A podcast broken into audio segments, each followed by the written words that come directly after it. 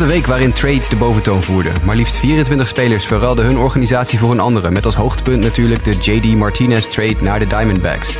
Daarnaast bouwden de Bronx Bombers baseballs beste bullpen met de deal voor Tommy Canley en David Robertson. En probeerden de Mariners hun relief corps te versterken met David Phelps van de Marlins. We gaan later in de show uitgebreid in op alle moves van alle clubs, maar er is meer dan genoeg ander honkbalnieuws om door te nemen. Justin is on assignment, dus ik neem zijn plek ook vandaag weer over op de presentatiestoel. Mijn naam is Jasper Roos en deze week zijn we weer met z'n drieën. Welkom Mike van Dijk. Hoi. Welkom Lionel Stuten. Hey. Aflevering 20 van Just a Bit Outside. Here we go.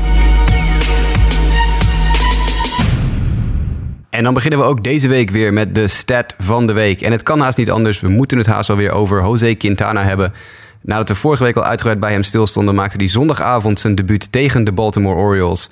En hij gooide daarin 10 strikeouts tegen Baltimore. En daarmee werd hij de tweede pitcher in de geschiedenis van de Major League die 10 of meer slagmensen met drie slag naar de kant stuurt in back-to-back wedstrijden voor twee verschillende teams. Uh, Lionel, wie was de andere? Uh, Randy Johnson, denk ik. Inderdaad, de Big Unit. In 1998 gooide hij voor de Seattle Mariners en de Houston Astros 10 strikeouts in back-to-back wedstrijden. Ja, dat is toch wel een aardige werper om mee in, uh, op gelijke hoogte gesteld te worden, Mike. Zeker, zeker. Dat, zijn, uh, dat is goed gezelschap, uh, Randy Johnson. En over geweldige werperprestaties gesproken. Chris Sale deed ook weer iets wat uh, statwaardig en benoembaar is deze week. Want Chris Sale werd de derde werper in de geschiedenis van de American League... die 200 strikeouts gooide in zijn eerste 20 of minder starts. Hij werd ook de snelste werper in de geschiedenis van de EL met 200 strikeouts. Uh, welke andere werpers waren dat? Hebben jullie enig idee? Uh, Randy Johnson. Ja, Randy Johnson sowieso. Uh, die noemde net ook al eventjes. In 1999 en 2001 deed hij het. wie nog meer? Nou ja, laten we dan Pedro Martinez er ook maar bij pakken. Inderdaad, Pedro Martinez uit 2000 klopt ook helemaal. En de laatste van de drie, die zal ik weggeven. Dat is Nolan Ryan uit 1977. Dus daarmee hebben we Chris Sale, Pedro Martinez, The Big Unit, Randy Johnson en Nolan Ryan als de enige vier werpers die dat gepresteerd hebben. Uh, en uh, Randy Johnson deed het dus twee keer. Tja, wat een, uh, wat een seizoen hè, voor, voor Chris Sale. Ja, nou ja, als je met dit soort mannen vergeleken kan worden op je cijfers, dan, ja, dan zit je toch wel lekker in de wedstrijd, zou ik zeggen. Tja, heel veel beter kan het eigenlijk niet als je Chris Sale bent. Uh, dan gaan we naar het moment van de week. Mike, wat is jouw moment van de week? Ja, dat gaat uh, naar de Diamondbacks. Uh, die gooiden tegen ook een, een hele goede pitcher in de National League. of die speelde tegen een goede pitcher. Max Scherzer. Die kwam terug. We hebben, hij is bij de Diamondbacks gedebuteerd. En in de eerste inning begon hij tegen de Diamondbacks. Hij moest als eerste tegen David Peralta. Die sloeg de bal uit het stadion. De volgende slagman was AJ Pollock. Die sloeg de bal uit het stadion. Wel een cheapie. Dus wellicht dat de bal daar iets uh, een rol heeft gespeeld. En toen kwam Jake Lamp aan slag. En ja, ook hij sloeg een home run. Gewoon 3-0 voorsprong tegen Max Scherzer bij de eerste drie slagmensen. Nou ja, beter kan je dag niet beginnen. Uh, uiteindelijk wonnen de Diamondbacks op een walk-off hit van Brandon Drury. Maar dat was toch voor mij toch wel het moment van de week. Ja, je kan niet vaak zeggen dat je Max Scherzer in één inning drie home runs om zijn oren hebt geslagen, denk ik, als je naar verschillende Major League teams kijkt. Goeie prestatie. Uh, Lionel, wat is jouw moment van deze week? Uh, mijn moment van de week komt uit de wedstrijd uh, Reds versus Marlins van afgelopen vrijdag. een double play. Ik hou altijd van atletische, atletische, hoe zeg je dat? Atletische vaardigheden. En je zag een bal werd gegrepen door Scooter Janet. Gooide hem mooi naar Zach Cozart. Draaide om zijn as. Gooide hem Joey Votto. Een klein beetje tekort. Dus Joey moest zich helemaal uitstrekken, maar had hem. En we sloten de inning af. En uh, ja, ik vind dat altijd interessant om te zien. Het zijn dingen die ik zelf niet kan. En dat maakt het voor mij altijd zo mooi om naar te kijken. Dus uh, voor mij was dat het moment van de week. Ja, dat doen de Reds dan wel weer aardig, uh, hun defense. Dit ziet er steeds beter uit de laatste tijd. Ondanks dat het team natuurlijk zelf niet heel veel presteert. En sowieso was afgelopen week echt, als je kijkt naar de defensieve plays die geweest zijn, waren we hebben de vorige week de aflevering op zondag opgenomen. Maar die avond zijn er ook een paar catches geweest. Ongelooflijk. ik kan me nog uh, de Mookie Betts catch herinneren. Ik weet niet of jullie die nog uh, op je Netflix hebben staan. Man, man, man. Echt ongelooflijk. Mooi man. Nou, daar houden we het dan bij voor wat betreft het moment van de week. En dan gaan we heel snel door met MLB News and Notes. MLB News and Notes. En dan beginnen we niet met alle trades van afgelopen week, want die krijgen hun eigen blokje later in de show. We beginnen met, ja ja, daar is hij weer, de honkbal. We hebben het er al weken over. Wat is er aan de hand met de honkbal? Hebben we te maken met lagere naden, minder luchtdruk? Waar komen al die home runs vandaan? Wij hebben geen antwoord erop gehad nog, maar nu is er eindelijk iets naar buiten gekomen wat ons iets meer duidelijkheid verschaft in deze situatie. Lionel. Ja, um, het is natuurlijk al langer ja, dat er uh, gezegd wordt van joh, die honkbal is niet hetzelfde als de honkbal waar we in het verleden mee speelden. En het lijkt er nu toch langzaam op dat toch wel naar buiten komt dat dat gewoon waarheid is. Hè? Uh, eerder deze week was er een vaak gesprek waar uh, Rob Manfred, de MLB commissioner, ook bij aangeschoven was. En hij gaf het niet met zoveel woorden toe, maar hij zei van nou ja, misschien moeten we toch eens kijken naar de marges waarbinnen de bal geproduceerd wordt. Hè? Om dat even duidelijk te maken. De, niet alle ballen zijn hetzelfde, omdat ze met de hand gemaakt worden. Uh, dus het kan zijn dat de ene bal wat strakker is en de andere bal wat, wat losser zit en dergelijke. Maar ja, die marges zijn dus vrij breed. En Manfred zegt nu van ja, misschien moeten we toch eens naar het proces kijken. En hoewel hij het niet met zoveel woorden zegt, zijn er toch wel heel veel mensen die hieruit concluderen van joh, uh, de ballen worden gewoon uitgekozen op uh, die het straks zijn bijvoorbeeld. En ja, dat zegt toch wel iets over hoe er met de bal is omgegaan de laatste tijd. Ja, de, de plot thickens zou je kunnen zeggen. Hè? Want nu er toch uh, gesproken wordt over verandering in het fabrikageproces... dan zou je toch zeggen dat er diep van binnen gedacht wordt... dat er misschien uh, iets niet helemaal uh, pluis is, of niet Mike? Ja, je stelt in ieder geval vragen bij wat er dan met die marge, waar binnen die marges nu gekozen is om, om voor te gaan.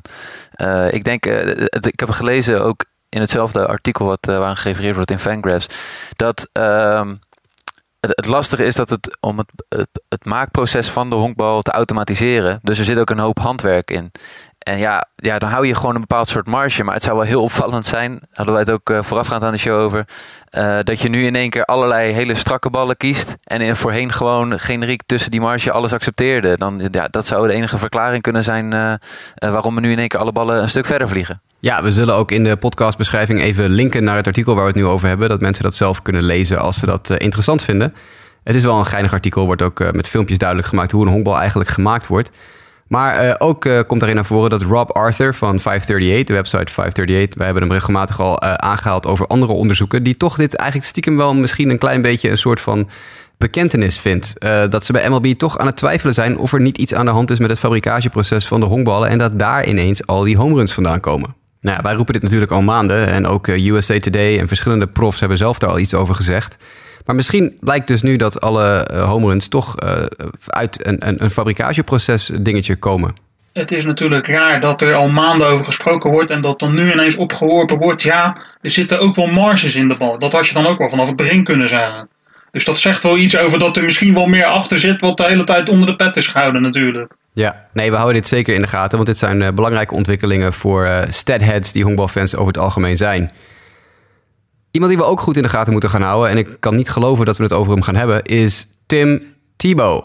Ja, wie was ook alweer Tim Tebow? Tim Tebow is een uh, voormalig college quarterback, American football quarterback, superster in college uh, bij de University of Florida. Uh, later bij de Denver Broncos prof geworden. Daar is hij behoorlijk geflopt.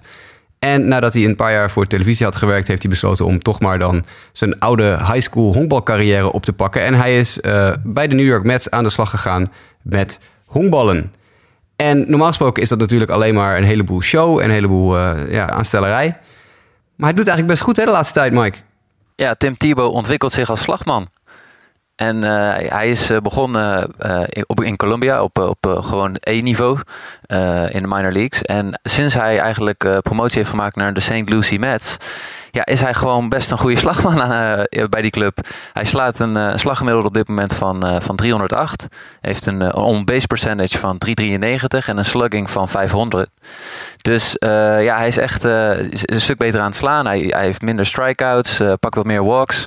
Uh, op zijn momenten dan slaat hij de walk-off hit. Hij slaat home runs. Kortom, Tim Tebow is echt gewoon een stuk beter aan het, uh, aan het spelen. En ja, daardoor waren er ook geruchten van... zou hij in september dan mogelijk een september call-up zijn? Wellicht dat de Mets redelijk in paniek raken... als de toeschouwersaantallen terug zouden gaan lopen.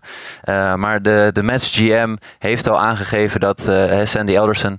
dat hij zo'n scenario eigenlijk niet ziet gebeuren.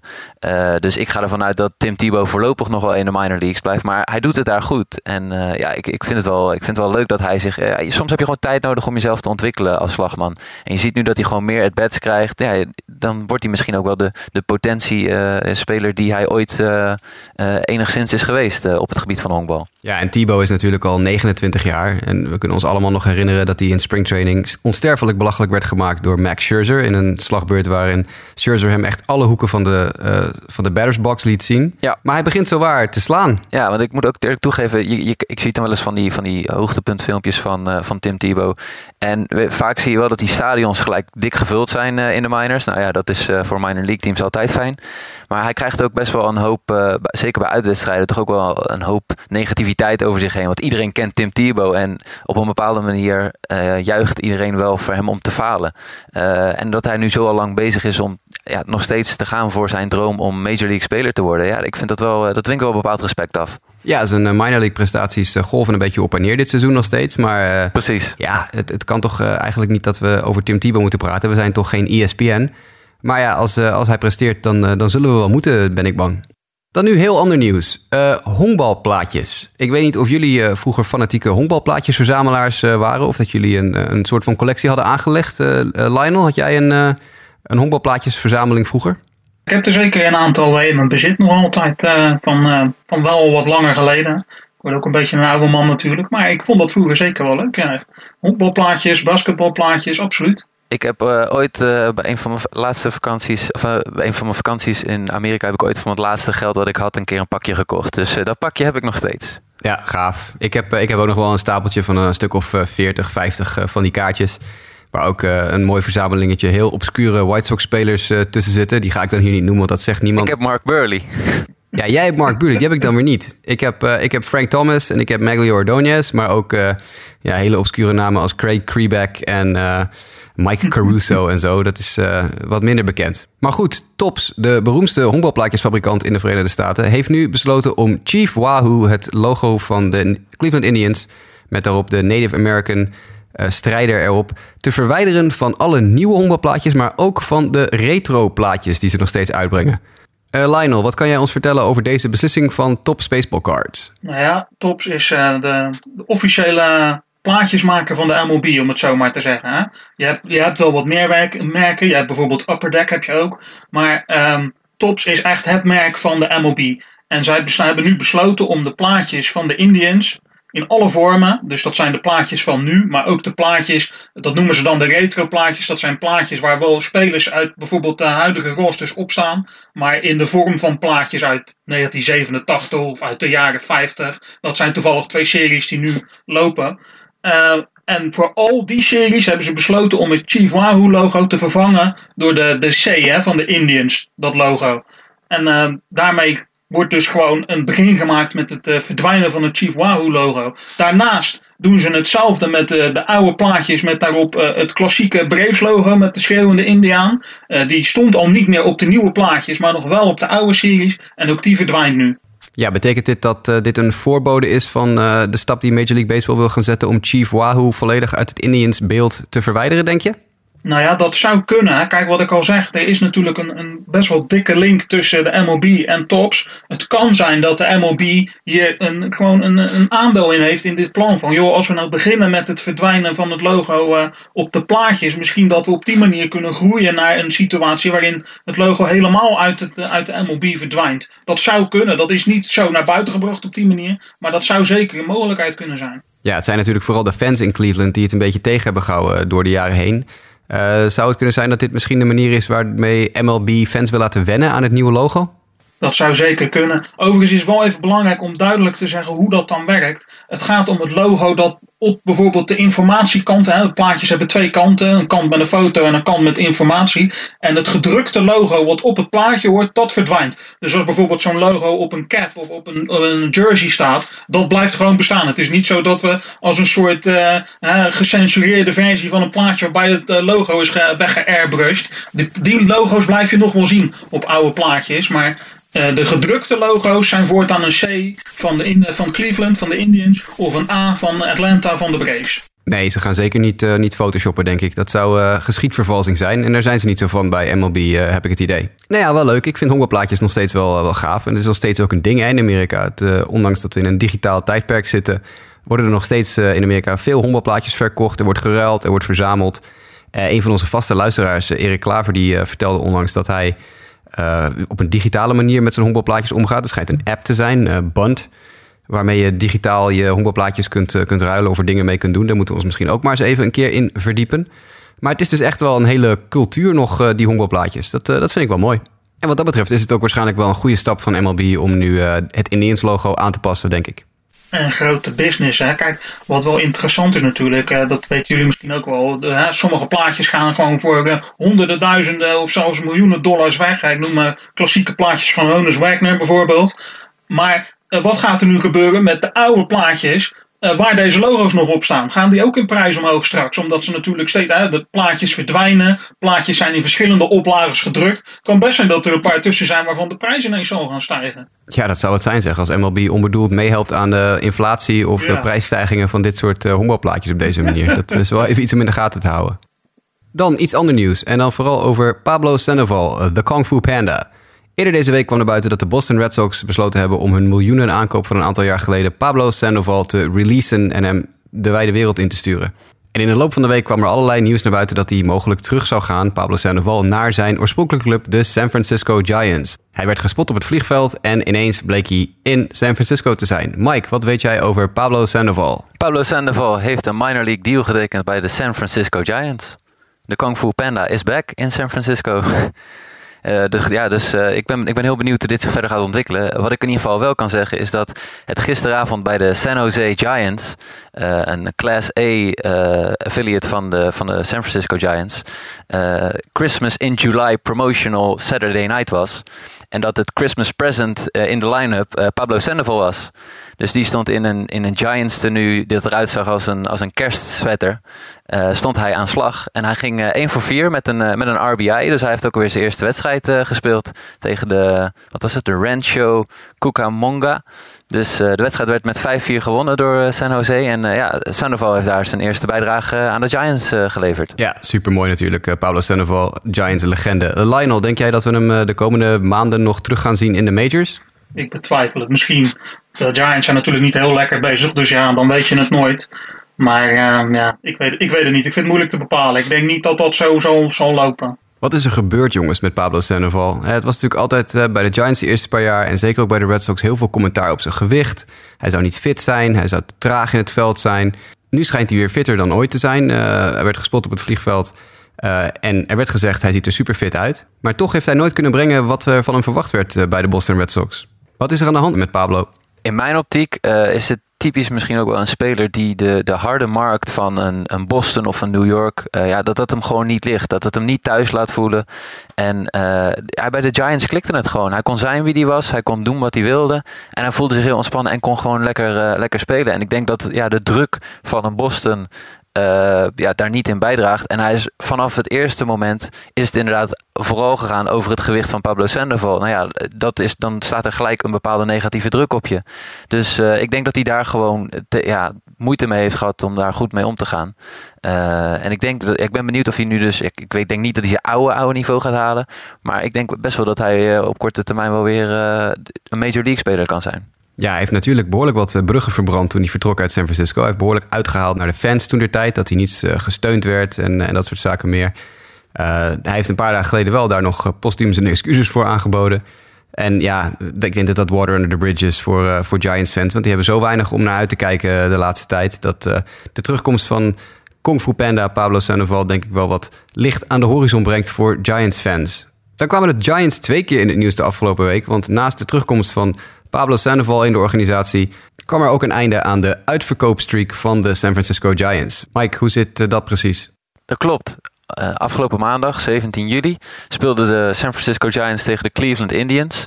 En na 530 uitverkochte wedstrijden was er nu, waren er nu gewoon kaartjes beschikbaar voor de Giants eh, en, lege plekken.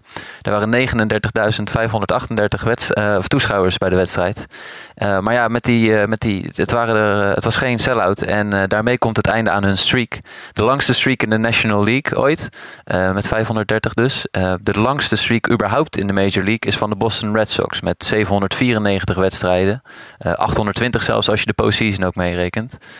Maar ja, het is, eh, de, ja, de prestaties zijn niet goed op het veld. En blijkbaar heeft dat dus ook nu zijn, eh, zijn effect op de, op de mensen en de bezoekers bij de San Francisco Giants. Ja, die eh, Boston Red Sox streak die duurde iets van eh, tien jaar uit mijn hoofd voordat die eh, onderbroken werd. Eh, de Indians van de jaren 90 hebben natuurlijk nog halverwege de jaren 90 een, een streak van een jaar of zes op rij gehad. 400 nog wat wedstrijden. Maar ja, 530 wedstrijden voor de San Francisco Giants, dat is een, een behoorlijk aantal. Ze hebben natuurlijk ook behoorlijk wat gewonnen. Dus de fans hadden vrij veel leuk honkbal om naar te kijken. Dus het is wel begrijpelijk dat het nu wat terugloopt. Maar helaas, de streak is dus nu voorbij. Uh, zoals spelers meestal zeggen, tijd om een nieuwe streak te beginnen. Dan van de westkust van de Verenigde Staten vliegen we iets verder door. Want we gaan weer over de grens. We vliegen de Pacific over en we gaan naar Koreaans honkbal. Lionel. Ja, um, de replay. In Korea is dat ook een, eh, een, een ding sinds 2014. Maar uh, dat gaat niet altijd even goed. En uh, de grote baas uh, van het, het, het, het, het, replay bekijken, dat is meneer, even kijken of ik het goed zeg. Hoe heet die man? Kim Ho-in. die is geschorst voor 10 dagen. Want Kim Ho-in die bekeek een, een, een home run situatie in de wedstrijd van de Lottie Giants tegen de Samsung Lions. En die beoordeelde het verkeerd. En uh, ja, daar waren ze niet van gediend binnen de KBO. En uh, de man mag nou tien dagen aan de kant blijven zitten. Het was een bal die werd geslagen tegen de hekken aan, tegen de muur aan. Maar daar staat een hele duidelijke gele streep. Daarboven is een home run, daaronder is geen home run. En er is duidelijk op de beelden te zien dat hij erboven is. En uh, ja, dat komt er nu dus duur te staan. Zo, dat is nog wel een, wel een ontwikkeling. Dat zie ik in de MLB toch niet zo snel gebeuren, of, of jij wel? Nou ja, ik, ik, denk dat het misschien niet zo'n slecht idee is om daar wat harder in op te treden. We zien het in de MLB ook nog wel eens fout gaan. En uh, ja, uiteindelijk is de replay natuurlijk ingevoerd om fouten uit de beslissingen te halen. Dus als je dan een beslissing neemt die gebaseerd is op tv-beelden en hij is nog fout, ja, wat ben je dan eigenlijk aan het doen? Uh, zijn, uh, zijn twee assistenten hebben ieder een boete van zo'n 500.000 won gekregen. Ik heb even zitten kijken, dat is omgerekend ergens tussen de 400 en 425 euro. Dus dat is wel een klein verschilletje met 10 dagen aan de kant zitten, maar toch. Uh, maar ja, het is misschien wel een idee om ook, uh, ook in andere leagues eens te kijken of je niet wat harder tegen dit soort mensen op kan trainen. Hè? Want ja, het moet natuurlijk wel ten goede van het spel blijven komen. Ja, ik vind het vooral opvallend dat in de MLB al jaren eigenlijk geroepen wordt door fans vooral om openbare aansprakelijkheid. Scheidsrechters en replay officials moeten in het openbaar aansprakelijk gesteld worden voor hun fouten, vinden heel veel fans. Dat gebeurt niet. Het is eigenlijk altijd een heel erg achterkamertjesgeheel. We komen er als fans nooit achter waarom een beslissing genomen is of waarom een scheidsrechter deed wat hij deed tijdens een wedstrijd. Ook straffen voor scheidsrechters zijn nooit in het openbaar. Uh, en nu doen ze dat in Korea dus wel. Maar goed, uh, nu we toch in Korea zijn, baseball over de grenzen met Lionel Stute. Uh, Lionel, er komt nu toch een, weer een figuur aan, of niet? Ja, ja absoluut. we hebben het hier in de podcast al een aantal keren over Shohei Otani uit, uit Japan gehad. Hè? En nu is er een man en die noemen ze de Shohei Otani of Korea. Nou ja, man is misschien een beetje een groot woord. Het is een high schooler. Zijn naam is Kang Baek Ho. En de man is op de heuvel geweldig. Hij kan goed catchen. Hij kan goed slaan. Hij kan eigenlijk alles. Hij kan alles. En misschien is het wat voorbaar omdat de man nog maar heel weinig wedstrijden heeft gespeeld. Maar als je ziet, hit, hij slaat 5,29, 7 RBI's in 17 at-bats. zijn ERA blijft onder de 3. Het is, ja, hij heeft een, een goede, snelheid in zijn worpen. Het is, hij heeft alles. Het, het lijkt erop dat er weer eentje aankomt. Hè? Een, een hele veelzijdige speler. Ja, ik zat van de week ook even een paar videofragmentjes van hem te kijken. Hij kan ook echt geweldig catchen. Echt een kanon van een arm ook. Ja, absoluut, absoluut. Hij, hij is gewoon, er zijn al wat video's inderdaad te, te zien op, op YouTube. Ik zou zeker uh, de fans die nu ook luisteren even aanraden om te kijken. Dit is wel een beetje wat de moderne speler gaat worden. Hè. We zien het steeds meer. We zien het met Otani. we hadden het al over Hunter Green, over, over McKay. we hebben het nu met deze jongen. Maar je gaat dit steeds meer zien. Hele veelzijdige jongens die gewoon op meerdere posities, zowel aan slag als op de heuvel, gewoon heel goed uit te, kunnen. Ja, en ik las van de week ook al een artikel over een, een Tsjechische minor leaguer die er nu aan zit te komen. Uh, dat is voor het, in het kader van honkbal over de grens zijn het toch wel leuke dingen om even in de gaten te houden, denk ik. Ja, absoluut. En ook omdat er zeker in, in, eh, in Azië hebben dan nog de eigen leagues ook nog wel een, eh, een hele grote vinger in de pap. Maar zeker in Europa en in Afrika is de MLB gewoon heel sterk bezig met het zoeken naar talenten. En dat soort jongens. We hebben natuurlijk eerder dit jaar al de Litouwer uh, gehad bij de Pirates. We hadden nou natuurlijk MVP, de, de jongen uit Zuid-Afrika, die ook via het Europese systeem naar de MLB is gekomen. Nu deze Tsjechische jongen, waar inderdaad veel informatie over naar buiten komt dat dit wel eens de volgende kan gaan zijn. we gaan dit denk ik nog veel meer zien in de komende tijd. Nee, nou ja, we houden het in de gaten. Want voor je het weet zetten deze jongens ook allemaal records op de borden die we dan later ook in de Major Leagues kunnen gaan zien. Uh, over records gesproken. Mike, jij bracht van de week ter sprake dat Ryan Zimmerman nu een aantal records verbroken heeft of alleen in handen heeft in de Nationals organisatie. Dat klopt. Ryan Zimmerman is de franchise recordhouder op het gebied van home runs met zijn 235ste home run. En die sloeg hij eh, in de eerste inning afgelopen maandag tegen de Cincinnati Reds. Het was de twintigste alweer eh, van dit seizoen. En eh, hij is daarmee voorbij gegaan aan ja, toch wel een legende, denk ik, Vladimir Guerrero. Die, uh, die reageerde op Twitter. Die zei: Records are made to be broken. Congratulations to Ryan Zimmerman. Being number two is not bad. Dus uh, ja, dat is wel een, een manier om, om te reageren. En Zimmerman zelf vond het uh, een, een, vooral een, een, eer en was blij om ja, meer home runs te hebben geslagen dan any Expo or National. Dus een, een milestone moment inderdaad. Nou, is toch mooi voor het gezicht van de Washington Nationals organisatie. Uh, dat hij nu die records in handen heeft. Ik geloof niet zo in dat hij uh, nu echt weer terug is of echt een ster is. Want met zoveel blessures in je verleden uh, denk ik niet dat we vanuit kunnen gaan dat Ryan Zimmerman een constante factor gaat worden in de laatste paar jaar van zijn carrière aan de top van de slaglijsten. Maar dit is toch ja, leuk voor hem. Precies, precies. Wat je zegt, weet je, ik bedoel, hij, speelt al twaalf jaar bij de Nationals. Uh, heeft altijd wel blessures uh, ja, gehad. Uh, ook volgens mij nog een beetje last gehad van de chips. en het feit dat hij nu eindelijk die, ja, die potentie die altijd wel in zich heeft geweest, gehad, ja, tot uiting brengt. Het is gewoon heel, heel mooi te zien als je Nationals fan bent en ook gewoon honkbal fan. Ja, het is ook een sympathieke gast. Dus ik, ik gun het hem wel te vaak geblesseerd geweest alleen. Dat is jammer. Maar over blessures gesproken, Mike. we hebben weer een blessureblok, dus je mag weer. Ja, daar gaan we. Uh, Carlos Correa, de korte stop van de Houston Astros, heeft een pace in zijn duim gescheurd. Hij is zes tot acht weken uitgeschakeld, dus dat is wel uh, pijnlijk voor de, voor de Houston Astros. Uh, dan gaan we alvast even naar een nieuwe Arizona Diamondback, J.D. Martinez. zometeen gaan we meer praten over de trade, maar de dag na de trade maakte hij zijn debuut voor de Diamondbacks tegen de Cincinnati Reds. En ja, geloof het of niet, hij kreeg een bal op zijn hand, moest de wedstrijd verlaten. Dus zo zie je maar uh, hoe snel het, uh, ja, een speler die gehaald werd uh, ook weer naar de blessurelijst kan gaan. Maar hij staat in ieder geval nu met een handkneuzing, is hij day-to-day. Hij heeft sindsdien niet meer gespeeld, dus het is te hopen dat hij snel terugkeert voor de fans van de Diamondbacks. Starling Castro en Gregory Polanco, de tweede honkman van de New York Yankees en de outfielder van de Pittsburgh Pirates, zijn allebei op zaterdag 22 juli naar de disabled list gegaan, 10-day. Allebei een hamstringblessure en het is voor allebei onduidelijk wanneer ze terugkeren. Uh, Aaron Sanchez, de starting pitcher van de Toronto Blue Jays, die heeft heel erg last van blaren dit seizoen. En hij is dus voor de vierde keer dit seizoen al naar de disabled list uh, vanwege, vanwege blaren. Dus dat, dat schiet nog niet heel erg op voor hem.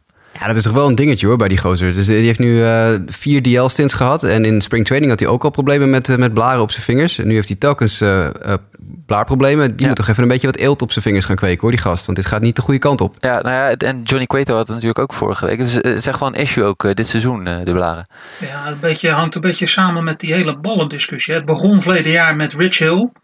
Dat was een van de eerste waarvan ik hoorde, die had dat veel. En um, binnen de Toronto-organisatie werd er al een paar keer over geklaagd dat er zoveel blaren op vingers verschenen ineens. En dat lijkt toch dat dat ook al een beetje samenhangt met de bal waar we het steeds over hebben in, uh, in verband met de home runs. Hè? Ja, ja, nee, klopt helemaal. Uh, ik, moet er, ik moet er, zou er helemaal in moeten duiken. Maar ik heb ook uh, statistieken inderdaad voorbij zien komen dat het aantal blaren dit seizoen gewoon een stuk hoger ligt uh, dan vorige, voorgaande seizoenen. Dus aangezien die twee trends tegelijk ja, naar voren komen, zou er best goed een verband kunnen zijn tussen die twee dingen. Dan gaan we door met de blessures. Uh, Chichi Gonzalez, starting pitcher van de Texas Rangers, die heeft in spring training al last uh, gekregen van een scheurtje in zijn UCL.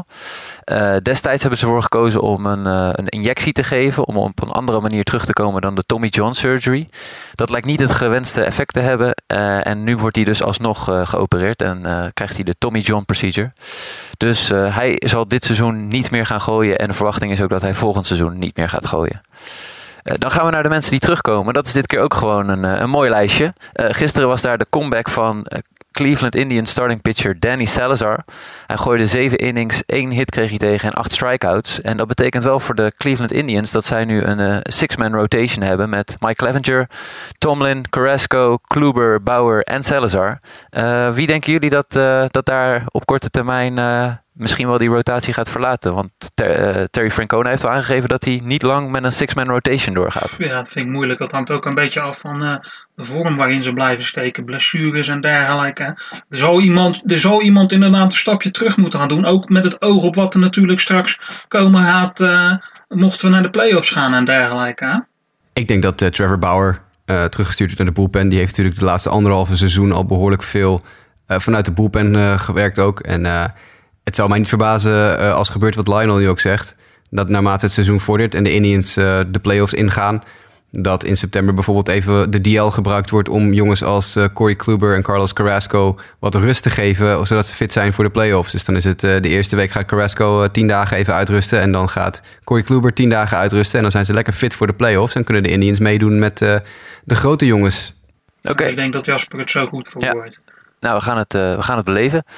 Uh, verder komen terug Aaron Altair van de Philadelphia Phillies, de outfielder. Die komt deze week terug van een hamstringblessure. Neil Walker, second baseman van de New York Mets. Die komt ook terug van een hamstringblessure. Dallas Keuchel, die komt terug van nekklachten. Daar hebben we hem al vaker over gehoord in deze, in deze podcast, dat hij daar last van heeft gehad. Maar hij gaat vrijdag, uh, als het goed is, werpen tegen de Detroit Tigers. En Kyle Hendricks, de starting pitcher van de Chicago Cubs, maakt maandag zijn start terug van de disabled list tegen de Chicago White Sox. Dus tot zover de blessures. Nou, dat was weer een, een aardige lijst, eh, Mike. Het zijn echt de dog days of summer op dit moment natuurlijk. Nu is het een kwestie van doorbijten en door de pijntjes heen spelen. Daarmee komt een einde aan uh, het blokje MLB News en Notes. En dan gaan we door naar ons blokje Buy or Sell. Maar dat hebben we deze week iets anders ingericht. De voorgaande weken was het zo dat iedere presentator een team mocht kiezen waarvan die dan wilde voorstellen of ze zouden moesten gaan buyen of sellen. Maar dat is een beetje, ja, uh, we zijn allemaal geweest. Het is nu een beetje nutteloos zo vlak voor de deadline. Dus nu gaan we eens kijken naar de trades die al geweest zijn en of wij die trades buyen of sellen voor de respectievelijke teams. Dus zijn we het ermee eens, begrijpen we het, of zijn we het er niet mee eens? Buy or sell?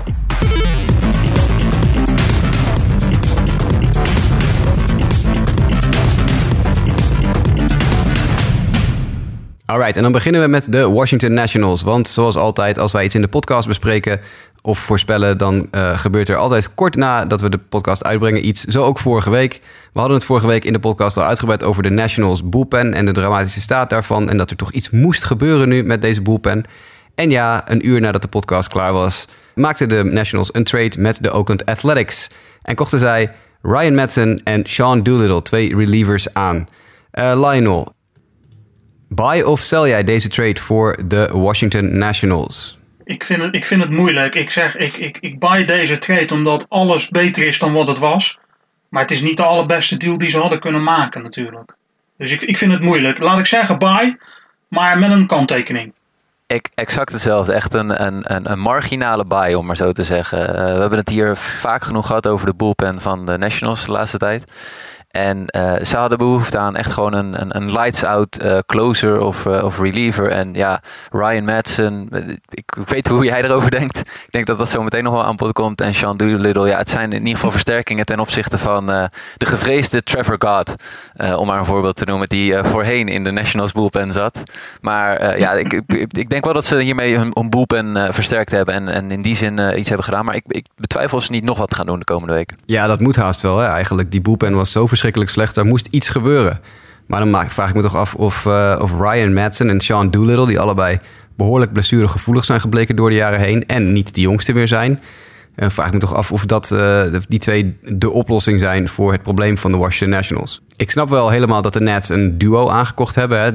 Ze waren duidelijk op zoek naar meerdere versterkingspunten binnen die bullpen. Maar ik had dan bijvoorbeeld AJ Ramos en Mike Dunn van Miami Marlins gehaald... en niet dit duo uit Oakland.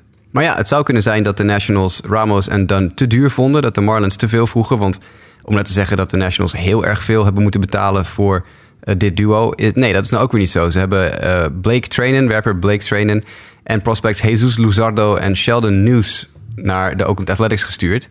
En ik denk, gezien het feit dat iedereen wist dat, dat de Nationals moesten kopen, die moesten relievers hebben, denk ik dat ze toch veel meer hadden kunnen vragen, de Oakland Athletics, dan voor hun werperduo. Want uh, radeloze teams maken rare sprongen af en toe. Dus uh, ook van de athletics kant hebben ze dit niet heel erg slim aangepakt, denk ik zo. Ja, dat, uh, dat denk ik ook. Maar ik verwacht dat Oakland sowieso nog wel wat dingetjes gaat doen. Ze hebben nog wat interessante namen die ze verder ook in de markt kunnen zetten.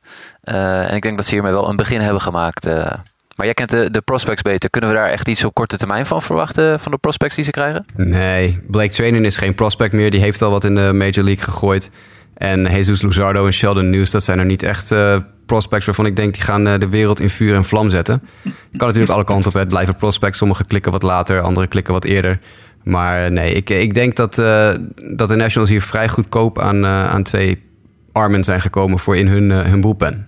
Dan de tweede trade die we gaan bespreken vandaag is die van JD Martinez naar de Arizona Diamondbacks van Mike. Van de Tigers naar de Diamondbacks. Mike, ik neem aan dat jij deze trade ontzettend uh, en heel positief hierover bent. Helemaal. Ja. Volledig. ja, nee, kijk, ik, ik kan het gewoon, deze trade ook uh, uh, in die zin heel simpel uitleggen vanuit het, het teamperspectief en het clubperspectief van de Diamondbacks. De Diamondbacks hebben een van de beste starts ooit. zijn op dit moment gewoon heel goed bezig. Dus als je er nu niet voor zou gaan, wat voor signaal zend je dan? Dus in die zin hadden ze gewoon, uh, hebben ze versterking nodig. En uh, ze keken naar een goede bed. En ze hebben met JD Martinez volgens velen de beste bed die beschikbaar was binnengehaald. Nou ja, dat is alleen maar uh, een hele goede deal. alleen is het dan ook weer zo dat hè, een dag later met een blessure erbij dan denk je toch van ja, wat was dit nou echt nodig? Maar ja, ik verwacht dat JD Martinez is van de statistieken die ik ook heb voorbij zien komen. Een van de betere hitters van de afgelopen jaren. Bij de Tigers goed gepresteerd. Dus ik vind dat echt een, een hele fijne versterking. Ik weet dat zijn defense niet heel geweldig is. Maar aangezien hij corner outfield gaat spelen en speelt in plaats van een Jasmani Thomas die echt defensief ja, een, een verschikking is dan, dan is dit gewoon een, een prima upgrade. Dus uh, ja, die line-up ziet er, nu, ziet er nu wat mij betreft wel goed uit. Ja, is inderdaad waarschijnlijk wel de beste bat die available was op de markt. Maar ja, wel een rental. Hè? Dus het is maar een paar maanden een Diamondback en dan is hij free agent. En waarschijnlijk ja, hebben de Diamondbacks daarom ook niet zo heel veel hoeven te betalen. Daar komen we zo meteen nog even op terug. Lionel, buy or sell? Ja, Diamondbacks perspectief zeg ik buy. Absoluut. Ja, en als je dit nou eens vanuit Tigers perspectief bekijkt. Hè, ze halen drie spelers. Dawel Lugo, Jose King en Sergio Alcantara. Uh, alle drie middle infielders, korte stops. Lugo stond in de top 6 of zo van de, de Arizona Diamondbacks... van hun toch al heel slechte minor league systeem. En King en Alcantara komen niet voor in de top 30. Hebben de Tigers dit vanuit jouw visie goed of niet goed gedaan? Nou ja, we hadden het een paar weken geleden hebben we het over de Tigers gehad. En toen hadden we het erover van als ze gaan handelen, dan hebben ze wel wat weg te geven natuurlijk. Met, met de, mannen die ze hadden. Als het team zelf niks werd, dan konden zij in ieder geval nog wat spelers op de markt gooien. die voor andere teams misschien een versterking waren. Maar als je dan deze trade maakt, dan denk ik van ja, waar ben je hier nou mee opgeschoten? Nou ben je dus JD Martinez ben je kwijt voor dit jaar. En je krijgt er drie jongens voor terug. Waarvan je maar. Ja, Lugo is misschien nog wel een aardige. Jose King is nog heel jong, heb ik begrepen. En Alcantara, die is ja, dat is Alcantara. Dat, daar weten we niet zoveel over. Dan denk ik van ja, is dit nou de, hè, de beste deal die je kon maken? Had je niet wat betere prospects kunnen vinden ergens? Ja, en hadden ze niet gewoon wat langer moeten wachten? Hè? Ze hebben die trade vorige week gemaakt, afgelopen week gemaakt, met nog dik twee weken te gaan tot aan de trading deadline. En dan vraag ik me toch af, waarom maak je die trade nu? Martinez was waarschijnlijk uh, een van de populairste bats geweest om uh, andere teams te versterken. En waarom ga je dat dan zo ver van tevoren al een deeltje maken? Waarom wacht je niet tot er bij een ander team, bij een contender, iemand geblesseerd raakt en er moet hals over kop iemand ingeslagen worden? Of uh, een, een, team maakt een wanhoopspoging om alsnog het seizoen om te keren en komen voor JD Martinez aan de deur bellen? Dan kan je vragen wat je wil. En waarom zou je die trade dan twee weken van tevoren al maken en dan ook nog zo'n magere uh, return krijgen ervoor eigenlijk? Ik denk serieus dat de Tigers hier gewoon geblunderd hebben. En dan ook nog drie korte stops halen. Wat heeft dat nou, wat heeft dat nou voor zin? Dat heeft echt ja, totaal geen nut. Mag ik één tegen, één, tegen uh, argument plaatsen? Is wel van uh, hoe doet dit als je deze deal vergelijkt met wat er in de markt wordt betaald voor de rentals? Nou, en dat is een goed punt. Hè. Het blijkt nu, uh, JD Martinez was de eerste echte rental bat die verkocht werd. En het blijkt gewoon dat de markt veel minder interessant is voor cornerbats met power voor rentals in dit geval. Want er zijn best wel veel spelers beschikbaar op de markt op dit moment die gewoon geen, uh, geen aandacht genereren. En dat heeft dan toch te maken met dat organisaties dieper zijn, dat er overal wel offense te vinden is, of in ieder geval een soort van productieve offense. En raakt een speler geblesseerd, kan je altijd uit de minor league nog vaak putten. Uh, dus ja, het gat is blijkbaar gedicht. Maar toch denk ik ook hoor, ik ben het met jullie eens. Ze hadden, ze hadden zeker één, één kwaliteitsprospect echt terug moeten halen voor, eh, voor JD Martinez. Als je, als je kijkt wat hij heeft gepresteerd de laatste jaar. Eigenlijk geef je hem gewoon weg voor een zak veren. Nee, inderdaad. En als je ja. dan voor Dawel Lugo gaat, uh, is een leuke speler, maar er zit niks speciaals aan hoor. Nou ja, ik weet het niet hoor. Ik had het, ik had het anders gedaan. En de Tigers moeten nu gaan kijken wat ze nog meer kunnen verkopen. Justin Verlander eh, staat in de uitverkoop, weten we allemaal. Closer Justin Wilson genereert nogal wat aandacht op de trademarkt. En, en Alex Avila, catcher Alex Avila, draait ook hartstikke leuk dit jaar. Dus het zou zomaar kunnen zijn dat GM Al Avila zijn zoon moet gaan verkopen uh, in de komende week.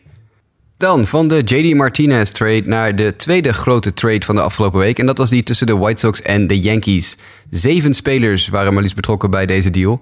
Uh, David Robertson, Todd Frazier en Tommy Kahnle gingen van de White Sox naar de New York Yankees. In ruil voor prospects Blake Rutherford, Ian Clarkin, Tito Polo, geweldige naam. En Major League werper, algemeen bekend, Tyler Clippard. Beginnen we met een rondje buy or sell. Lionel. Ik denk voor beide buy. Ik kan het vanuit White Sox perspectief goed begrijpen. En ik kan het eigenlijk vanuit Yankees perspectief ook goed begrijpen. Als je kijkt naar het, het beleid wat beide teams voeren, dan past voor beide kanten past dit er wel goed in. Ja, ik, ik, ik buy het ook. En uh, vanuit de Yankees perspectief is dit echt uh, wel de upgrade die ze zochten. Uh, ze hebben nu gewoon in ieder geval die, die bullpen addressed. En uh, ja, met Frazier ook gewoon de derde honk uh, prima staan. En inderdaad, voor de White Sox denk ik ook dat er gewoon goede pieces tussen zitten. Uh, waar zij op dit moment behoefte aan hebben. Het enige wat ik zelf heb, vorige week heb ik het ook aangegeven. Ik twijfel of de Yankees nu al ervoor voor hebben moeten gaan. maar dat lijken ze nu wel te gaan doen. En dan verwacht ik dat ze eigenlijk ook nog wel een behoefte hebben aan een starting pitcher. Dus dat ze daar ook, ook nog iets moeten gaan doen. Ja, ze worden veel gelinkt aan Sonny Gray nu ook. Maar dat is, dat is van later zorg. Nou, dan even een korte analyse van deze trade. Wat jullie zeggen is waar. De Yankees hadden wat bullpen-probleem. Wat heel gek is als je mensen als Dylan Betances en Aroldis Chapman in je bullpen hebt. Maar beide heren hadden wat controleproblemen de laatste periode. Ja, en dan halen ze nu een tweetal werpers binnen... die meteen die bullpen tot een van de beste bullpens in de Major Leagues uh, maken. David Robertson is natuurlijk een bekend verhaal. Hè? Een closer, maar de White Sox hebben geen closer nodig. Want ja, die, uh, die winnen toch niet. Dus waarom zou je een closer 12 of 13 miljoen dollar per jaar betalen... als je hem niet gebruikt als echte closer... Robertson, ook een bekende in New York, heeft jarenlang uh, als setupman gefungeerd voor Mariano Rivera. Tommy Kahnle was eigenlijk de prijs in de deal. Uh, ooit gedraft door de Yankees, maar in de Rule 5 draft vervolgens uh, door de Colorado Rockies. En de White Sox hebben toen getrade voor Tommy Kahnle. Maakt snel verroren dit jaar met zijn 100, 101 mijl per uur fastball en zijn 90 mijl per uur change-up. Hij heeft een ongelooflijke hoeveelheid strikeouts achter zijn naam staan ook dit jaar. Hij werd op de ringer van de week al vergeleken met Andrew Miller qua pure dominantie. En dan moet je nagaan, heb ik hier even een, statistiekje over de, de beste vijf werpers in de Yankees bullpen op dit moment. Dat zijn Chapman, Robertson, Green, Chad Green, Tommy Kahnle en Dellin Betances. Kijk je naar het strikeout percentage van deze vijf werpers, dan is Aroldis Chapman notabene de minste. 34% van de tijd gooit hij in strikeouts. David Robertson 35,6%. Chad Green 37,1%. Tommy Kahnle 42,6% van de tijd een strikeout. En Dylan Betances 42,9% van de tijd een strikeout. Kahnle en Betances zijn dus eigenlijk min of meer even goed. Dat is toch echt een boelpen, jongens. Dat, uh, daar zou ik behoorlijk bang voor worden als ik uh, de tegenstand in de AL East was. Nou ja, in dezelfde deal werd natuurlijk ook Todd Frazier nog uh, opgenomen. Die ging ook naar de Yankees. Maar dat is denk ik meer een blokkering geweest voor de Red Sox. Uh, denk je niet, Lionel? Ja, dat denk ik ook wel, ja. Todd Frazier is natuurlijk, ja, ik, ik ken hem nog uit de Reds tijd, hè. Dat, dat weet jij ook nog wel.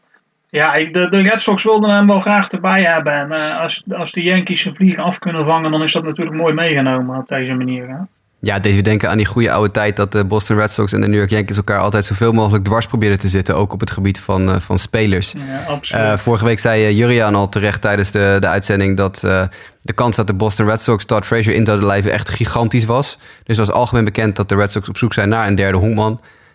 en nu hebben de Yankees daar even een stokje voor weten te steken. En die hebben Frazier naar de Bronx gehaald. Robertson en Kahnle hebben nog contracten na dit jaar. Robertson heeft nog ook een contract voor volgend jaar. Kahnle heeft nog een aantal arbitration jaren te gaan. Uh, Frazier is een rental. En de andere kant op gingen dan vier spelers. Tyler Clippert, dat is weer een salarisdump. Uh, de Yankees wilden hem eigenlijk DFA'en. Die wilden van hem af. Uh, maar dan moet je zijn salaris sowieso betalen. De Yankees hebben toen gezegd tegen de White Sox... jullie hebben armen nodig. White Sox zeiden, ja, wij hebben mensen nodig. Stuur maar naar ons. Maar dan betalen jullie in zijn geheel David Robertson zijn contract. Nou, zeiden de Yankees, dat is prima, dat kunnen we wel doen. Met het dumpen van de ongeveer uh, nou, 15, 18 miljoen die nog op David Robertson zijn contract zaten, betalen de White Sox eigenlijk ook weer Louis Robert uh, af. Want die hebben ze natuurlijk behoorlijk voor in de buidel moeten tasten.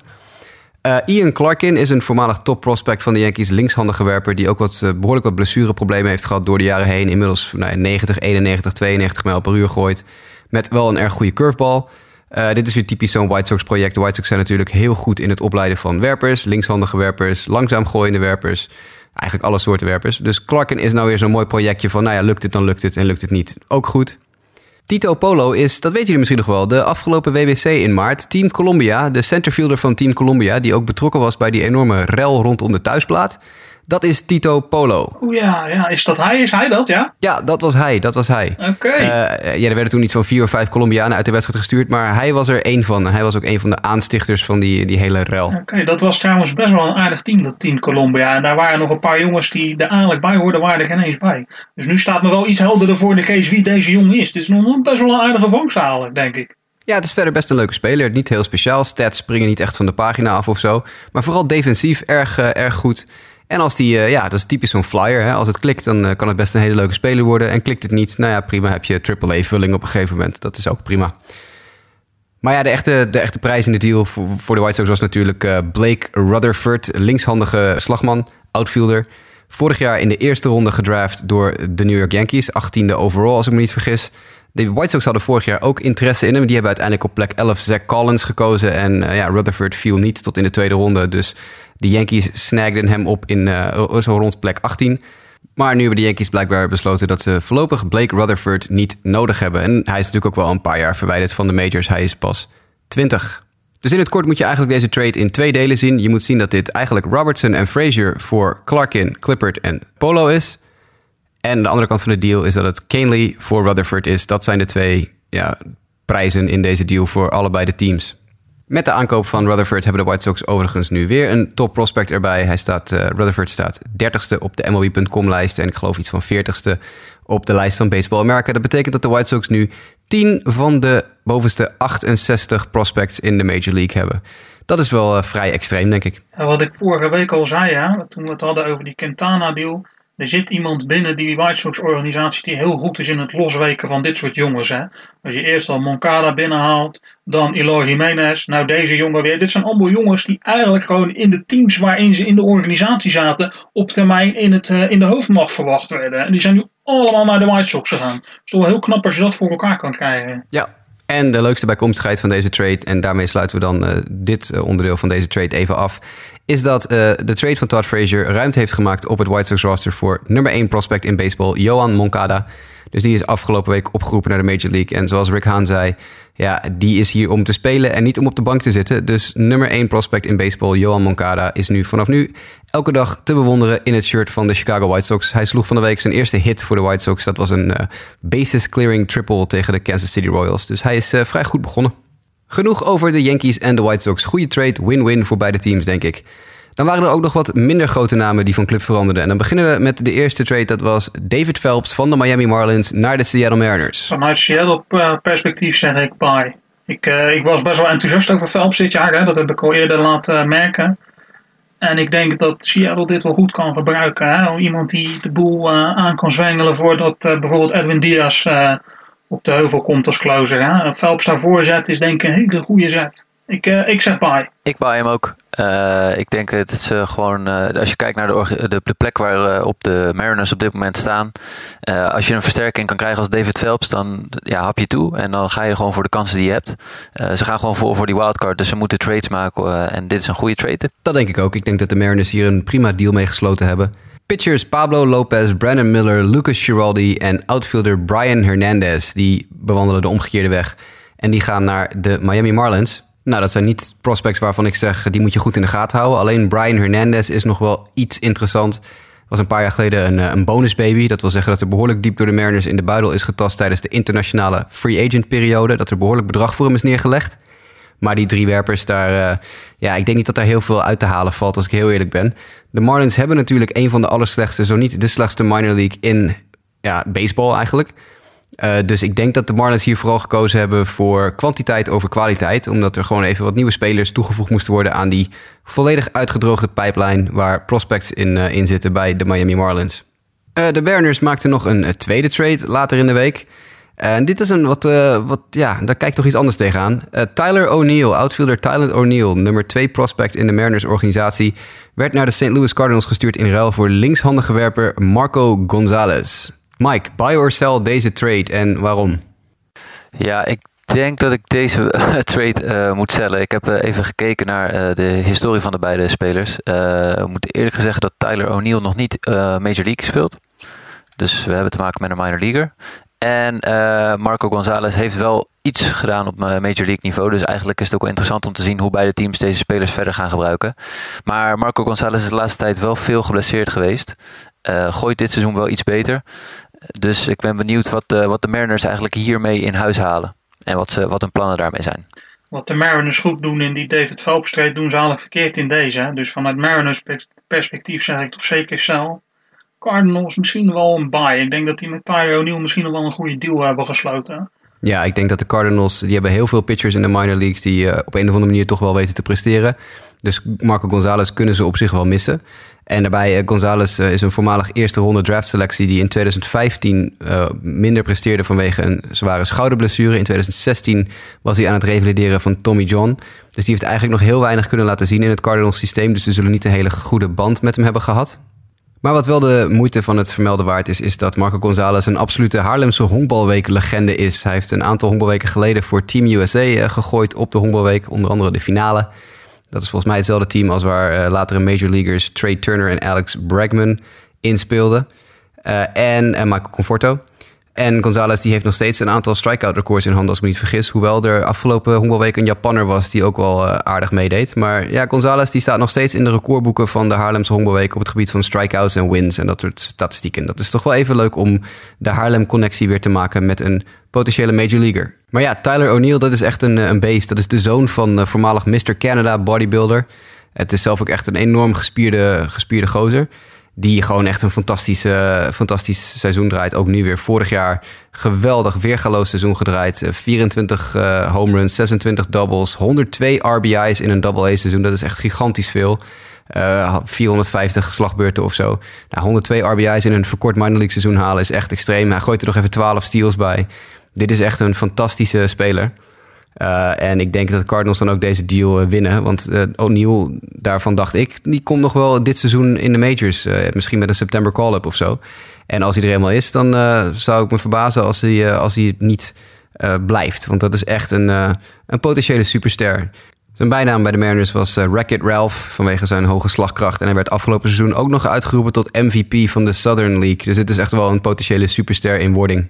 Dan hebben we nog een heel klein rondje met wat minder zeggende trades, waar wat uh, ja, niet zeggende namen of minder belangrijke moves zaten. Als eerste Mike Sergio Romo van de LA Dodgers naar de Tampa Bay Rays voor cash.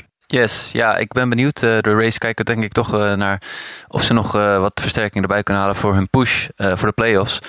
ik moet wel zeggen, de race hebben wel in het verleden laten zien dat een reliever die broken was bij een ander team, dat zij die weer op het rechte pad weten te krijgen. En dan noem ik een Fernando Rodney als voorbeeld. maar ik ben benieuwd. ik denk dat Romo eigenlijk klaar is. Uh, maar we gaan zien wat de race uh, ermee gaan doen. Ja, Lionel, buy or sell voor de race? Ja, doe maar buy. Ik weet het niet. Ik uh, doe maar buy. Het is een long shot, hè? Het is een long ja, shot. absoluut. Ja, maar goed. Het was, het was een deal voor cash. Dus het is niet zo dat er heel erg veel belangrijke dingen... Ja, daar, dat is ook de reden waarom ik zeg buy, weet je. Je geeft er niet zo heel veel voor op. Behalve een koffertje met geld. Nou ja, dat kunnen ze wel missen. Dat moet wel goed komen. Ja, ik moest wel even lachen van de week op Twitter stond Sergio Romo to the race for cash. En uh, de manager van de Tampa Bay Rays heet Kevin Cash. Dus er werd meteen al allerlei grapjes gemaakt over dat Kevin Cash, de manager van de Rays, verkocht was aan de Dodgers in ruil voor een uh, niet-zeggende werper. Dan nog een vrij hilarische deal, uh, want we ja, duiken weer eventjes wat verder terug in de Major League geschiedenis. Mark Lowe en Gene Machi, allebei 35 en 36 jaar oud zo'n beetje, zijn verkocht van de Mariners aan de White Sox voor cash. Dit is nou typisch zo'n deal van wij hebben net meerdere bullpen-armen verkocht als we White Sox, hè, vanuit de White Sox gekeken. Uh, dus we hebben mensen nodig met een hartslag, die ademen en die een arm hebben die een bal kan gooien. Dus uh, ja, dat zijn typisch zo'n deal van we hebben gewoon uh, we hebben bodies nodig, mensen die kunnen gooien wanneer we het van ze vragen. Als je, als je mensen nodig hebt omdat je mensen tekort komt, dan is het natuurlijk altijd een goede deal. Hè? Al, al hou je de stadionspeaker naar voren. Maar verder, ja, het is precies wat je zegt. Weet je. Wat, wat moet je hier nou van zeggen? Het is niet alsof dit nou heel erg wereldschokkend zou zijn. Ik wil best voor de Major League Experience het ook wel proberen als de White Sox interesse hebben. Maar... Ja, ja, ja, ik denk dat jij op dit moment beter bent dan uh, 20% van de White Sox bullpen ongeveer. Dus uh, ik zou zeggen, gooi er een try-out tegenaan. Eh, als laatste hadden we dan nog eh, werper Chaz Rowe. Die, eh, die ken jij toch, eh, Mike? Ja, die is gedebuteerd eh, in, eh, in Phoenix. Ja, nou, Chaz Rowe ging van de Atlanta Braves naar de Tampa Bay Rays... en is meteen door de Tampa Bay Rays in AAA geplaatst. Weinig boeiend, maar het was een trade... en we hadden beloofd dat we alle trades van de afgelopen week zouden bespreken... en dat hebben we dan bij deze gedaan. Er gaat er natuurlijk nog veel meer komen de komende week... Maar we hebben gezien eh, met alle voorspellingen die niet uitkwamen de afgelopen week... dat we ja, net zo goed eh, even kunnen wachten tot de trade deadline voorbij is... voordat we alles bespreken wat er verhandeld is in Major League Baseball. Precies. We kunnen echter natuurlijk wel nog even een kort rondje fill in the blanks eh, doen. Zullen we dat eens doen, jongens? Ik vind het goed. Ja, laat, laten we dat eens doen. Gooi er eens Ja. een in. Nou mooi, dan eh, pakken we eventjes een paar, eh, paar fill in the blanks hier. Ik heb er twee, dus dan kunnen we even lekker een beetje koffiedik gaan kijken. De eerste is, na 31 juli speelt Hugh Darvish bij deze club. Mike als eerst. Ik denk de Texas Rangers. Jij denkt dat hij in Texas blijft? ja, ik denk, althans, ik denk dat Texas best wel, eh, van wat ik begrijp, gaan ze gewoon heel veel vragen. Eh, dus in tegenstelling tot wat andere teams soms doen als de Detroit Tigers, zijn er ook teams die gewoon best wel hun goede spelers voor veel geld gaan vragen. Eh, veel eh, spelers voor terug willen. En ik heb gewoon het gevoel ook wel dat, dat Darvish past bij Texas. En Texas wil denk ik ook langer door met hem. Dus ik ben benieuwd. Ik, ik denk niet dat ze hem weg willen doen. En het blijft in die American League gewoon. Al die teams zitten echt op het randje van meedoen of niet meedoen met die wildcard. En Texas is typisch ook zo'n team. Eh, dus zolang zij nog niet een eerste trade maken waarvan ze zeggen van oké, we gaan, we gaan eh, deze speler wegdoen. Ja, ja, ik denk dat die, dat gaat blijven. Maar ik, ja, ik ben benieuwd wat jullie ervan vinden. Ik ga een case maken, maar Jasper, daar heb ik jouw hulp bij nodig. Luister. Ik denk dat Hugh Darvish vanaf 31 juli voor de Los Angeles Dodgers speelt. Want ik denk dat de Dodgers, hoewel ze goed spelen, goed spelen is misschien zelfs wel een beetje een understatement. Hè? Het, het is iets wat we niet heel erg vaak gezien hebben de laatste jaren, zover als die nou al uitgelopen zijn in deze divisie. Maar als je heel eerlijk bent, weet je, je hebt eh, Clayton Kershaw, en je hebt dan een paar andere jongens die het wel aardig doen, maar volgens mij wel allemaal op de toppen van de kunnen zitten. En daar kunnen ze wel iets bij, hè, iets bij gebruiken. Ik heb het dan over eh, Ryu, ik heb het over Maeda. Het is gewoon niet, niet, niet super top. En eh, hoewel het nu goed gaat met de Dodgers, is het natuurlijk wel zo dat als ze dit jaar niet in ieder geval de World Series halen en eigenlijk de World Series gaan winnen, dan is de staat California natuurlijk te klein. Hè? De Dodgers moeten nu gewoon voor de prijzen spelen. En ik denk dat zij daar iemand als Darvish heel goed bij kunnen gebruiken. Maar, en daar kom jij dan in spel, Jasper. Wat eh, Michael zegt, Darvish gewoon zal duur zijn. En dan vraag ik me af, wat kunnen de Dodgers bieden? Ja, nou, de Dodgers hebben echt een gigantisch diep eh, minor league systeem. Ik denk dat er van hun top 5, 6, misschien 7... toch zeker drie spelers untouchable zijn. Dat zijn Yadier Alvarez, de rechtshandige werper... die voor Team World startte in de Futures Game. Dat is outfielder Alex Verdugo... En werper Walker Bueller. En ik denk dat Walker Bueller zelfs voor het seizoen voorbij is... nog wel eens in de Major League bullpen zou kunnen terechtkomen. Maar dan kijk je verder en dan zitten er dus wel een paar andere leuke spelers in... die misschien toch wel eh shopbaar zijn. Je hebt uh, Willie Calhoun, een tweede honkman, een powerhitter. Echt een powerhitter, staat weer geweldig te slaan in de AAA. Nu Cody Bellinger naar de majors is, is Calhoun toch wel zo'n beetje de beste uh, infielder, powerhitter die ze hebben bij de Dodgers. Heeft nu ook alweer 21 home runs geslagen in 348 slagbeurten in AAA Oklahoma... met een 302 slaggemiddelde erbij. Uh, dan heb je nog Gavin Lux, een, een korte stop, vorig jaar gedraft... Staat niet zo goed te slaan, maar is wel defensief heel erg goed. Je hebt werper Jordan Sheffield ook uit de draft van vorig seizoen. Uh, die staat ook prima te gooien. 77 strikeouts in 76 innings. Uh, wel een beetje hoge whip, maar dat is toch ook wel te doen. En dan kijk je verder in de lijst. Dan heb je nog een, een Starling Heredia, een outfielder of catcher Will Smith. Uh, korte stop Drew Jackson. Dat zijn toch allemaal wel namen om rekening mee te houden. Dus de Dodgers hebben absoluut spelers genoeg in hun minor league systeem om Darvish binnen te halen. Als je dat tegen elkaar afzet, dan denk je van Darvish voor een pakketje van die allemaal of een aantal daarvan, dat zou mogelijk zijn. Ja, dat hangt er natuurlijk een beetje vanaf hoeveel de Rangers kunnen vragen. Hè? Als ze zeggen we willen er drie uit je top 10 en de Dodgers gaan akkoord met uh, nou ja, bijvoorbeeld een uh, Calhoun, Lux en Sheffield. Dan denk ik niet dat er iemand is in de Major League die daar heel gek van opkijkt, als ik heel eerlijk ben. Darvish is natuurlijk, uh, nou ja, als het geen ace is, dan is hij een, uh, een, een sub-ace categorie. En hij staat heel goed te gooien dit jaar. Dus daar, daar moet serieus voor in de buidel getast worden. De vraag is alleen, doen de Dodgers dat? En vinden ze dat echt heel erg nodig? Ze hebben dan wel een hele goede one-two punch. Ja, maar ja, ze hebben al zoveel werpers, joh. Ja, ze klopt, zijn niet allemaal tegelijk fit meestal. Nee. Maar ze hebben naast Kershaw hebben ze al Rich Hill, Alex Wood, Brandon McCarthy, Kenta Maeda. Uh, en volgens mij vergeet ik het dan ja. nog één of twee. Dus de vraag is, hebben ze pitching wel zo hard nodig? Maar als je de postseason gaat spelen, heb je dan wel weer, laat maar zeggen, uh, Kershaw, Greinke, wat het was, uh, heb je dan wel weer een soort van, uh, ja, nu wel weer terug. Ja, aan de andere kant, Kershaw en Greinke heeft ze ook geen kampioenschap opgeleverd. Klopt. Dus waarom zou je nu je toekomst opofferen voor... Ja, ja, ja voornamelijk omdat ik denk dat zij nu echt iets moeten, hè, zij moeten iets gaan, gaan winnen. Of in ieder geval die World Series halen. Ik denk dat dat echt voor een heel groot belang is bij de Dodgers. En daar, vandaar dat ik, dat ik op, deze, op deze deal kwam. Ja, het kan makkelijk, want de Dodgers hebben meer dan genoeg uh, minor league talent. Ook als die untouchables als Alvarez, uh, Verdugo en Bueller niet verkocht worden. Het zou mij niet verbazen als uh, Darvish een paniekmove wordt voor de Milwaukee Brewers. Die natuurlijk geen goede start aan de tweede helft van het seizoen hebben. En de Cubs komen eraan, die hebben wel een goede stretch nu. dus het zou mij niet verbazen als, als de Brewers zeggen van nou, vergeet Sonny Gray, vergeet Garrett Cole. geef ons maar uh, U Darvish. En hier heb je nou, een stuk of vijf uit ons uh, minor league systeem. Want die hebben ook natuurlijk een ontzettend goed uh, minor league systeem, de Milwaukee Brewers. Daar kunnen ze best wel wat uit doen. En ze hebben het in het verleden vaker gedaan. Hè. Ze hebben Granky tussentijds gehaald voor een, een postseason run. Ze hebben Sabathia ooit gehaald voor een postseason run. En dat heeft ze ook succes opgeleverd. Dus waarom zouden ze het niet nog een keer doen? Ja, dat zou ik nog heel goed kunnen. en vlak ook zeker de Yankees niet uit natuurlijk, hè? Ja, dan heb ik uh, nog een fill in the blank. Of nou ja, ik zeg ik, we hebben fill in the blank. Maar ze komen allebei bij Mike vandaan. We doen wel allemaal heel erg alsof, uh, alsof ik dat niet onverwacht allemaal doe. Maar nee, Mike heeft het allemaal van tevoren bedacht. Uh, Jurickson Profar. Heeft Profar voor de deadline wel of geen nieuwe club? Ik denk dat Jurickson Profar niet een nieuwe club heeft. En dat zit meer op van als, je, als, als de... Het, hangt, het hangt er heel erg vanaf wat de Rangers gaan doen. Als de Rangers gaan baaien dan uh, zou Profar in mijn ogen wel een heel belangrijk trade chipje zijn die ze naar een andere club gaan doen. Als ze niet gaan baaien, dan zie ik hem ook niet weggaan. Dus, uh, ik, ik, maar ik vermoed op dit moment dat ze dus gewoon hem gaan houden. Uh, dat hij niet, niet weggaat. Ja, ik zou het hem wel gunnen, maar ik denk ook niet. Ik denk niet dat Jerkson Profar ergens heen gaat. En ik denk ook niet dat de Texas Rangers heel veel gaan handelen in inkomend, om het zo maar te zeggen. Dus nee, nee ik denk dat hij uh, nog steeds in, uh, in Texas blijft. Nee, ik denk hetzelfde. Ik denk ook dat er uh, geen noodzaak is voor de Rangers om enigszins jong talent, controleerbaar talent nu weg te doen. zeker niet als ze de oude veteranen, of de oudere spelers en de zwaardere contracten willen traden. Tenzij je voor Profar natuurlijk nog jonger talent terug kan krijgen. Maar die kans acht ik vrij klein. Er was even sprake van toen de Rangers nog een beetje in de race waren. Dat ze Jaime Garcia van de Atlanta Braves zouden gaan halen. In ruil voor Profar. Maar uh, die deal is uiteindelijk niet van de grond gekomen.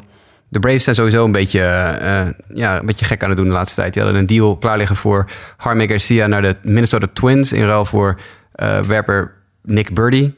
Maar ook die trade is op het laatste moment afgeketst op, op dat de Braves zich zorgen maakten over het een of het ander. Nou, op zich, Birdie heeft net Tommy John gehad, dus dat is op zich ook wel te begrijpen. Maar ja, er, is, is, van alles aan de hand daar. Maar ik denk niet dat de Rangers interesse hebben in het, uh, het moven van hun jonge betaalbare spelers. ook al presteren ze niet zo goed als, als gewenst. Want Profar heeft natuurlijk niet gebracht wat jaren geleden hem toegeschreven werd. Dan gaan we verder. Normaal gesproken zouden we nu eh, de mailbag gaan doen. Maar we hebben een lege mailbag. Er is deze week niets binnengekomen. Dus dat geeft ons nog wel even de gelegenheid om te vragen. Mocht er bij jullie, luisteraars, iets zijn waarvan je zoiets hebt... dat wil ik wel eens even dieper geanalyseerd hebben. Zij het een trade of een gerucht of uh, nou, wat dan ook eigenlijk maar. Van alles. Je kan van alles doen tot aan fantasy uh, vragen... of wil je zelf een fill in the blank aanbrengen. Kan dat allemaal. Stuur ze op naar justabitpodcast at gmail dan behandelen wij hem in de show gegarandeerd. Dat brengt ons dan wel bijna bij het einde van de show. We hebben nog één onderdeel te gaan en dat zijn de Series of Stories to Watch van de komende week. Begin ik bij Lionel. Wat ga jij, Lionel, de komende week bekijken in de MLB? Mijn Reds die spelen tegen de Yankees en tegen de Marlins. Daar verwacht ik beide niet zoveel van. Dus ik denk dat ik ze maar uh, links laat liggen, hoe raar het ook mag klinken. Ik uh, ga naar de race uh, at Yankees kijken. Gewoon omdat dat me een leuke, vermakelijke wedstrijd lijkt meerdere wedstrijden. Het is een hele serie natuurlijk. Ik, uh, ja, at Yankees, eind van de week. Ja, lijkt me ook spannend voor de AL East. Hè. is weer een, uh, een mooie in de strijd voor de wildcard... of in een poging de Red Sox nog te achterhalen. Dus dat is een, uh, een spannende series inderdaad. Dat, daar zie ik ook wel naar uit. Mike? De Yankees race was mijn backup. Ik ga voor uh, de St. Louis Cardinals volgend weekend. Die hebben natuurlijk nu een belangrijke uh, series gaan uh, met de, Chicago Cubs. Maar volgende week krijgen ze bezoek van de wildcard contenders Arizona Diamondbacks. Hoe verrassend. dus volgens mij gaat dat een, een, een mooie serie worden. Daar ga ik naar uitkijken. Ja, dat lijkt me ook een, een spannende series met in ieder geval voldoende aanval van beide kanten. Uh, dan, Justin is er niet deze week, maar we hebben wel de vrijheid genomen om voor hem eventjes uit te kiezen waar hij deze week naar gaat kijken. Dat weet hij zelf niet. Dus als hij dit terug hoort, uh, Justin, bij deze. Jij moet je gaan buigen deze week over, kan haast niet anders, Mariners Mets. Want ja, we weten allemaal, dat heeft Justin een aantal keer verteld. De Mariners zijn zijn AL-team, de Mets zijn zijn NL-team. Dus het, ja, hij, hij ontkomt er niet aan. Deze week kijkt Justin Mariners Mets. Ik zelf ga de komende week, en dat kan ook haast niet anders, voor de Crosstown Cup. Het zijn de Chicago Cubs en de Chicago White Sox spelen de komende week tegen elkaar. Vier dagen achter elkaar, twee dagen op Wrigley Field, twee dagen op Guaranteed Rate Field. En ja, dat, dat, dat zal wel moeten. We gaan ongelooflijk op onze lazer krijgen. Ik denk dat het 4-0 voor de Cubs wordt en dat uh, de Crosstown Cup naar de andere kant van de stad gaat. Maar dat geeft voor deze keer ook niet. Dan, uh, ja, vooruit dan maar. Jose Quintana gooit in ieder geval niet voor de Cubs. Die was oorspronkelijk wel uh, gepland voor de White Sox Series. Maar de Cubs hebben hun rotation eerder deze week geshuffeld. Waardoor Quintana net de White Sox Series misloopt. Dus wij zien Jose helaas niet terug op zijn oude plekje. Daarmee komen we aan het einde van aflevering 20 van Just a Bit Outside, de Sport Amerika MLB podcast. Voordat we gaan, echter nog even een mededeling over volgende week. Er is volgende week zondag geen nieuwe aflevering van Just a Bit Outside. En dat heeft alles te maken met op maandag de trade deadline. Maandag 31 juli, 4 uur smiddags lokale tijd, 10 uur Nederlandse tijd, s avonds, is de MLB trading deadline. En het heeft voor ons niet zoveel zin om op zondagmiddag uitgebreid te gaan zitten speculeren over wat er de 24 uur daarna allemaal kan gaan gebeuren. En dan weer een beetje achter de nieuwsfeiten aan moeten lopen en een week moeten wachten met de analyse van de trades die tijdens de deadline op deadline dag nog plaatsvinden. Wij doen ons best om in de loop van die week op dinsdag of op woensdag een MLB Trade Deadline podcast uit te brengen. Zodat we alle nieuwtjes plus alle trades nog even mee kunnen nemen in de nieuwste aflevering. Dat was hem, jongens. Volgens mij uh, hebben we het allemaal weer aardig uh, gehad. Volgens mij zijn we weer rond wat betreft MLB-nieuws van deze week. Yes. Wil je in contact komen met de show? Dan kan dat altijd via ons e-mailadres justabitpodcast.gmail.com. Het kan via Twitter, at jwkev, at mdijk90, at jaspernl, sportamerika, facebook.com slash sportamerika. De mogelijkheden zijn eindeloos. Schrijf ons gerust aan, vinden we hartstikke leuk. Voor nu bedankt voor het luisteren en tot volgende week.